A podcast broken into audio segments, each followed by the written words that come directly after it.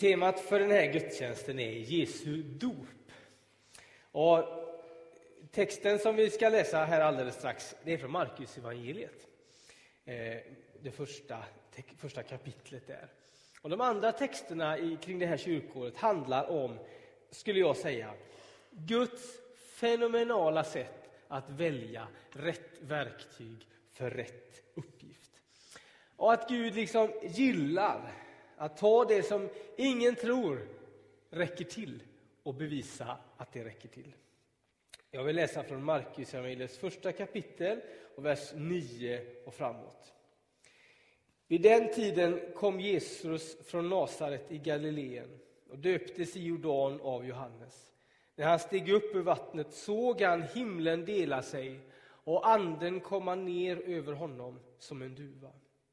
Och en röst hördes från himlen. Du är min älskade son, du är min utvalde. Vi ber. Herre, nu, nu ber vi att du skulle öppna ditt ord för oss här och nu. Vi ber att du skulle öppna våra hjärtan för ditt tilltal, Herre. Och vi ber om att du är med nu här, helige Ande, och leder detta så att det blir så bra som det bara kan. Tack för ditt levande ord som är verksamt i våra liv och som vi får komma till och luta oss emot. Och låt det nu få fylla våra liv och ge oss det vi behöver just nu. Det ber vi om i Jesu namn. Amen. Med jämna mellanrum så får jag brev och mejl till mig på olika sätt. Det kan vara ett, ett, brev som hamnar i min brevlåda och så står det så här. Grattis! Du är utvald. Eh, det här är ett unikt erbjudande bara för dig. Och nu gäller det för dig att passa på. Det, det gäller bara för en viss speciell tid. Det är nu eller aldrig. Och ibland så får jag mejl där det står så här. Grattis, du är utvald. Eh, det här gäller ingen annan, det här gäller bara dig. Det enda vi behöver av dig det är dina kontouppgifter, ditt Visakortnummer, ditt personnummer. Och sen, sen, så kommer allting bli hur bra som helst. Jag vet inte om du får sådana eh, meddelanden ibland. Jag får det i alla fall. Det är imponerande att de orkar hålla på. Du är inte alls utvald, vill jag bara säga. Du är inte något unik. Din granne har fått precis samma brev. Och du kan räkna med att får du ett mejl där det står så, så kan du räkna med att det är säkert flera hundratusen människor som också fått precis samma meddelande. Du är inte något som helst speciellt, du är inte utvald. Det stämmer inte överhuvudtaget. Jag minns när, jag, när, när Bingolotto var som, som störst. Jag spelade Bingolotto nu här, dagen innan julafton. Var det någon mer som gjorde det? Upp med en hand. Eh, var det bara jag? Vilken grej! Emmy spelade med. Spelade inte Bingolotto på uppesittarkvällen? Hejdlöst! Det trodde jag inte. Jag trodde alla skulle räcka upp handen. Aha. Hoppas att ni ändå kan förstå vad det är jag pratar om. Känner ni till Bingolotto i alla fall? Ja, det pågår tydligen fortfarande. Ja. Eh, vi skulle spela Bingolotto eh, och morsan och farsan var hemma hos oss och vi, vi hade det görtrevligt. Va? Och sen så, så mm, kryssar man i de här rutorna och håller på. Och sen så vann jag. Men jag vann ju det som de allra flesta också vann, nämligen en ny lott. Man vinner liksom inte det man vill ha. Så de ville att jag skulle sitta en hel kväll till och lida mig igenom eh, Christer Sjögrens gurglande. Och se alla på deras reklamfilmer och, och så vidare. Va? Och inte nog med att jag vann, fast jag inte vann då, utan jag vann en lott till som jag inte vann någonting på. Givetvis. Men jag vann mig också möjligheten att ringa in. Man kan ringa in va? och så kommer man fram och så får man möjligheten en gång till då att vinna en bil eller en resa till Skövde eller något sånt här spännande. Och så tänker jag, wow, jag vann, nu måste jag ringa in. Och så får de 9,90 till då mina pengar som jag ger dem för att jag tror att jag är utvald och speciell. Och så är det, gör jag allt detta för drömmen om att vinna en bil som jag inte behöver. Jag har en bil, den går jättebra. I alla fall gjorde den det på vägen hit nu på förmiddagen. Och så gör jag det för att jag tror att jag är utvald. Och det är det smartaste försäljningsknepet som ett företag eller en tävlingsorganisation ska kunna göra. Du är utvald, du är speciell. Men jag var inte så speciell alls. De sa bara tack för att du ringde, försök en gång till. Och det gjorde jag. Och då sa de så här med en gång till och tänkte jag, det stämmer nog inte det här. Det var inte bara så att det var jag som ringde, det var ju flera tusen andra som ringde också. Och jag kom inte fram. Det hade ni nog hört om jag hade gjort, tror jag. Det gjorde jag inte i alla fall. Slumpen och Guds ledning kan ibland vara sammankopplade. Fast långt ifrån alltid. Men ibland är det så. Den koptiska kyrkan som har sitt, sitt huvudsäte i Egypten, de har tagit detta ett steg till. De tror att, att Gud kan verka genom detta och när de ska välja sin påve, den, den högst uppsatta personen i deras kyrka, det gör de så att de har en glasskål och så har de tre olika namn från tre goda kandidater. Och så lägger de dem i den här glasskålen och så rör de runt. Och sen kommer det en liten kille, en pojk, som får dra ett lapp, en lapp ur lådan. Och så läser han upp namnet och den personen blir då påve. De tror att Gud verkar genom detta på en slump. Vi i vår demokrati skulle inte riktigt vilja göra det på det sättet. Men det är intressant att det finns en del människor som tycker på det här sättet. Är det en slump eller var det Guds ledning eller, eller hur är det? När den största och viktigaste höjdpunkten i världshistorien precis ska till att hända så är det inte en slump. Det är inte så att det bara råkar hända utan Gud har från absolut första början välplanerat, organiserat och arrangerat världshistorien så att den är förberedd för Jesus som ska komma. När historiker ska beskriva eh, eh, världens liksom, tillstånd under det första århundradet när Jesus kommer, så säger historikerna så här. Det är som att historien är helt stängd. Och sen några år innan Jesus ska födas så öppnas den. Och så är det 30 år som är liksom öppna och så stängs den igen. Så beskriver historikerna världshistoriens skeende. Gud planerar så att det blir allra, allra bästa sätt. Ända från första början, när Gud säger var det ljus, den första morgonen i världshistorien. Från det att han börjar arrangera och skapa jorden och världsalltet. Ända från det att han ropar till Adam, var är du någonstans? Gud planerar detalj för detalj för att förbereda världen på att Jesus ska komma. Och så kallar han en, namn, en man vid namn Abraham att bli stamfader för ett folk. Och så får de ett, ett land, ett förlovat land. Så blir det naturkatastrof och Gud flyttar dem ifrån Israel till Egypten så att de får bo där och överleva naturkatastrofen. Och när tiden är inne så befriar han dem därifrån och för dem tillbaka till den plats där han menar att de hör hemma. Och så pågår världshistorien och sen så blir det dags för Jesus att födas.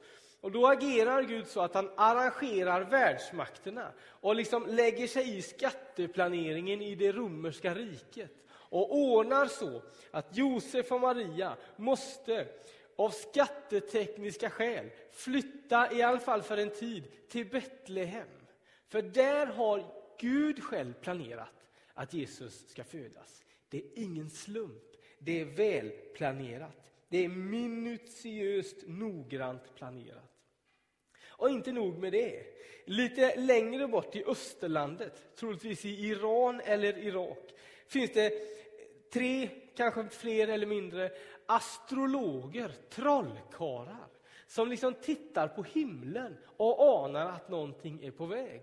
Gud arrangerar himlakropparna, planeterna och stjärnorna och kometerna för att se till att dessa tre förs till Jerusalem och ifrån Jerusalem till Betlehem så att de ska få komma i kontakt med Jesus. Så att Josef och Maria ska förstå. Detta som händer oss nu, att vi har fått ett barn, det gäller inte bara oss, det gäller hela världen. Gud, han agerar och arrangerar så att det ska bli på allra bästa sätt. Och så skickar Gud Jesus släkting, troligtvis Marias kusin, Johannes döparen. Och så får Johannes döparen liksom värma upp folket och förbereda dem på att nu är den tiden inne som hela världshistorien har väntat på. När Jesus, Messias, Guds son, alldeles strax ska kliva in i handlingarnas centrum. Är ni redo för det, säger Johannes döparen. Och folket hör detta och tar det till sig. Det står att alla går ut till Johannes för att döpas av honom, att renas och förbereda sig för att Jesus ska komma. Och Jesus är också där. Han är också i närheten av Johannes. Och, och så står Jesus, tänker jag mig, på led. Jag vet inte om de gjorde det på den tiden, men eftersom vi är i Sverige så säger vi att de stod på led, i alla fall inför Johannes där. Och så döper Johannes och Johannes lärjungar alla folken där. Och sen så är det Jesu tur. Och så står Jesus och Johannes och tittar på varandra och så, så säger liksom Johannes, hur gör vi nu då? Det är egentligen jag som borde bli döpt av dig. Och så säger Jesus, ja, men vi, vi kör så här nu. För det är så som Gud har planerat det. Så att det blir rätt. Och så låter Jesus döpa sig av Johannes i Jordan. Och när han kliver upp ur vattnet så beskriver Markus att himlen öppnar sig. Och den helige ande sänker sig över Jesus. Och rösten från himlen säger klart och tydligt. Detta är min älskade son, min utvalde. Det är ingen slump.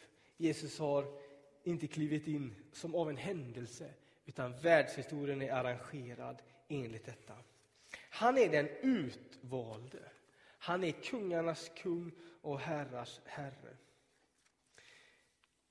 Om vi har något mål med vårt kristna liv så måste det vara detta att försöka likna Jesus. Vi är faktiskt till och med kallade till det. Det sägs om oss att vi är skapade till Guds avbild, att likna honom. Och när Jesus säger följ mig, så säger han följ mig så ska ni få se hur jag gör. Så att ni kan bli lika mig, så att ni kan bli lika den Gud som har skapat er. Den bästa frågan man kan ställa sig i livets olika vägskäl och olika svängar, det är det här. Vad skulle Jesus ha gjort? Om man hamnar i en situation någon gång där man tvekar och tvivlar så är det väldigt bra att ställa sig den frågan. Vad skulle Jesus ha gjort? Han är den utvalde. Han är unik. Men vet du, du och jag, vi är också utvalda.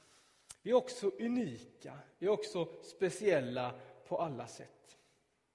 Ingen kan vara exakt som Jesus, men vi kan sträva efter att likna honom på olika sätt. Det här har varit ett ämne som kyrkan ibland inte riktigt har fått ordning på, tycker jag. Det har gjort att man har blivit väldigt spänd och väldigt nervös. Så man undrar, tänk om Gud har planerat någonting för mig. Och så måste jag hitta det och så, så får man liksom, blir man görnervös och tänker man, tänk om jag, om jag är på fel ställe, tänk om jag gör fel.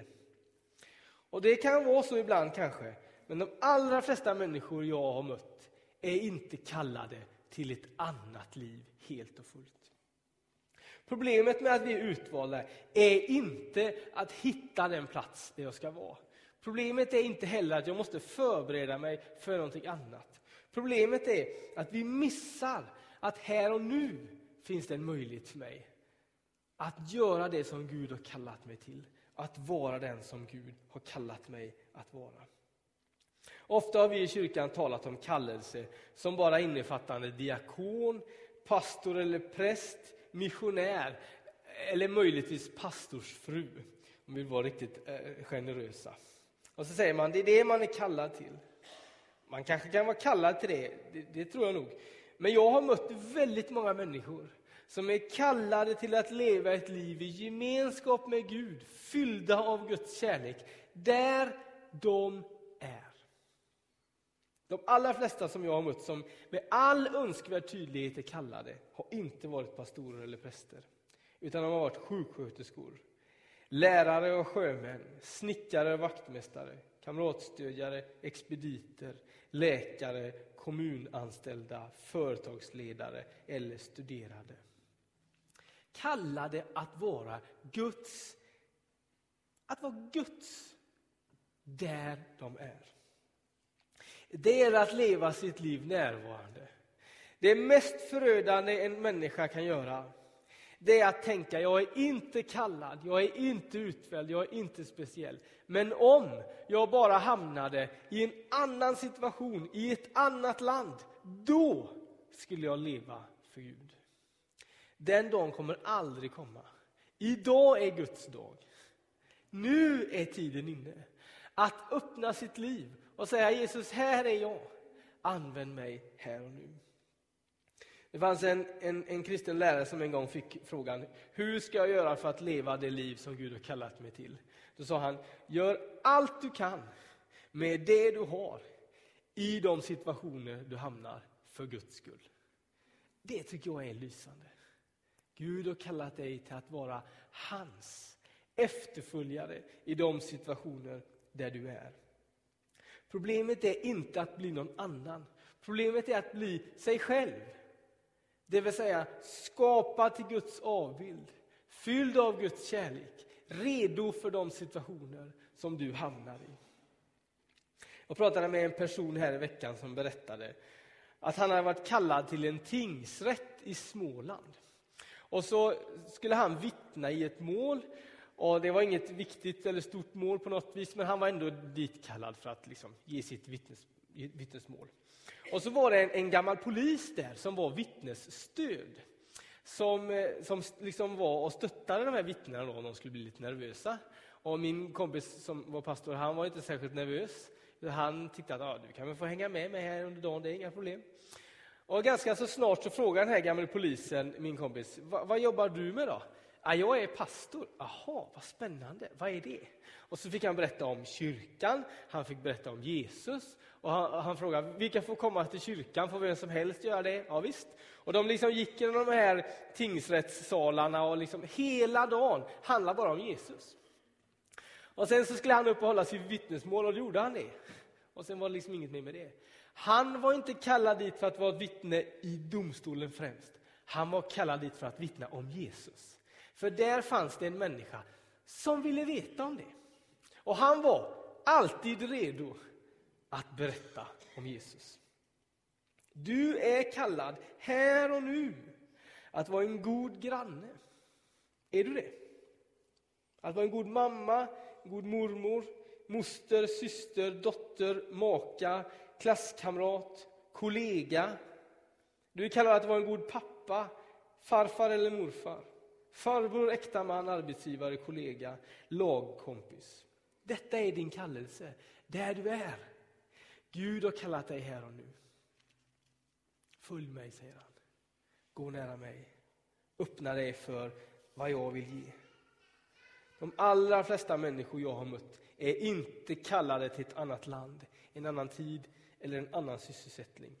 Men alla människor jag har mött i hela mitt liv, stora och små, gamla och unga, trötta, pigga, rika och fattiga, svarta, vita, gula, gröna, röda, bruna, bleka, färgglada eller färglösa. Alla är utvalda att komma nära honom som säger till alla människor, kom till mig. Han som är kungars kung och herrars herre. Jesus från Nasaret. Börja där du är. Det finns bara ett enda sätt att åka jorden runt. Det är att ta den ena foten och sätta den framför den andra. Det finns bara ett enda sätt att skotta vägen mellan ytterdörren och bilen. Det är att börja någonstans och sen skotta tills man är framme hos bilen.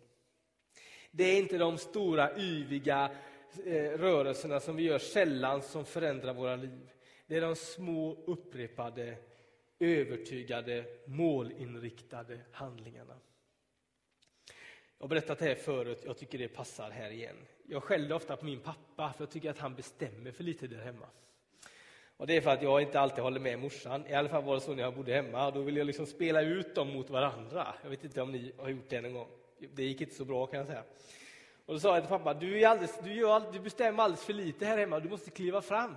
Då sa han, jag bestämmer de stora grejerna här hemma. Och vad är det då? Ja, exempelvis när vi ska rösta, sa han då, i, i politiska val, då är det jag som ofta får med bestämma. Det vill säga, farsan bestämmer en grej var fjärde år. Vem tror ni det är som bestämmer där hemma egentligen? Det är de små rörelserna som vi gör ofta, som förvandlar våra liv. Börja där du är. Jesus kallar dig vid namn. Jag vet att han gör det. Han går inte förbi dig. Och han kräver inte av dig att du ska bli någon annan. Han kräver av dig att du ska bli den han har skapat dig att vara. Nämligen en återspegling av Guds egen bild. Han har skapat oss till sin avbild. Och när Jesus kallar dig, då gör han det för att du ska bli mer lik Gud. Vi är skapade till hans avbild. Han vill att du ska gestalta den bilden av Gud som bara du kan göra. Du är skapad till att vara unik. Ditt öga är unikt. Ditt fingeravtryck är unikt. Det finns ingen som är just som du är. Och vet du, det är så Gud vill ha oss. Unika och skapade till sin avbild. Om det är någonting som Gud är expert på så är det att ta det som ingen räknar med och göra det stora av det. Du är utvald.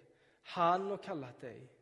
Han vill låta sitt ljus lysa genom dig.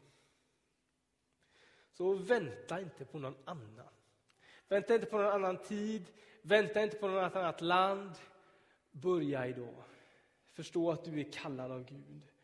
Att bära Guds kärlek till de människorna du har nära dig. Ibland känner man att man inte riktigt räcker till. Så känner i alla fall jag.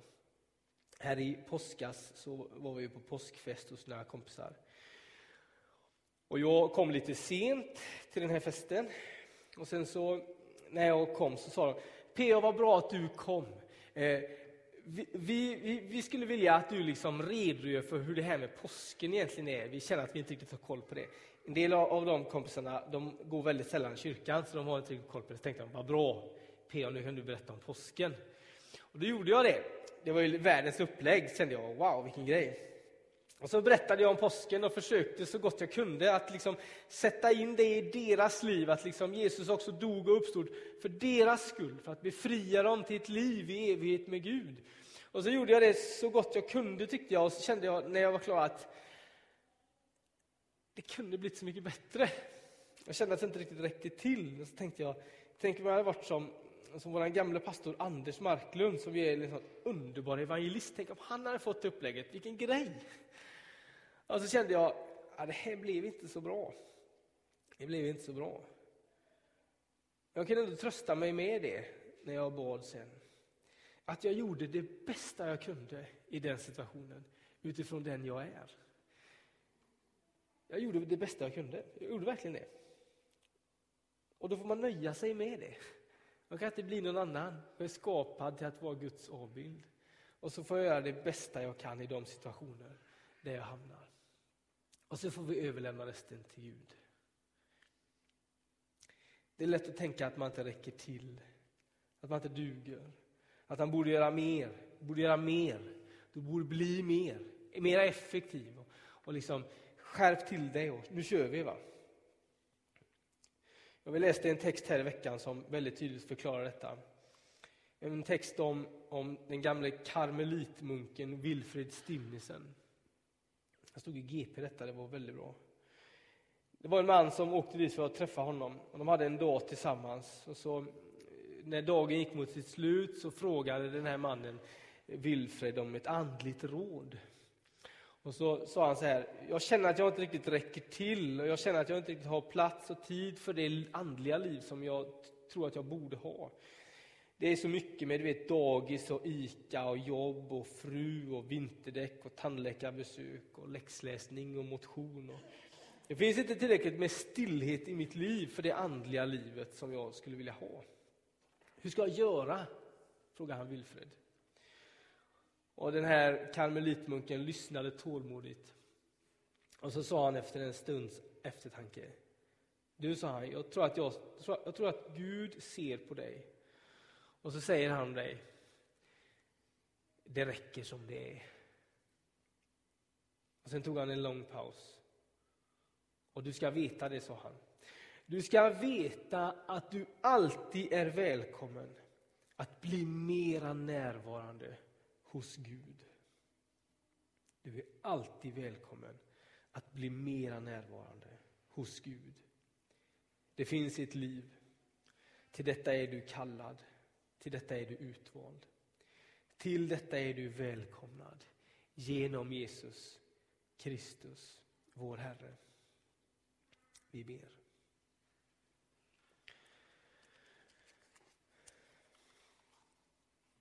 Herre helige Gud, jag tackar dig.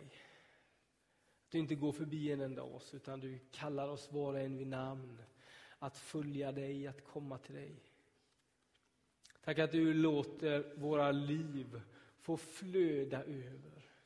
Du som kom och sa, jag har kommit för att ge liv och liv i överflöd.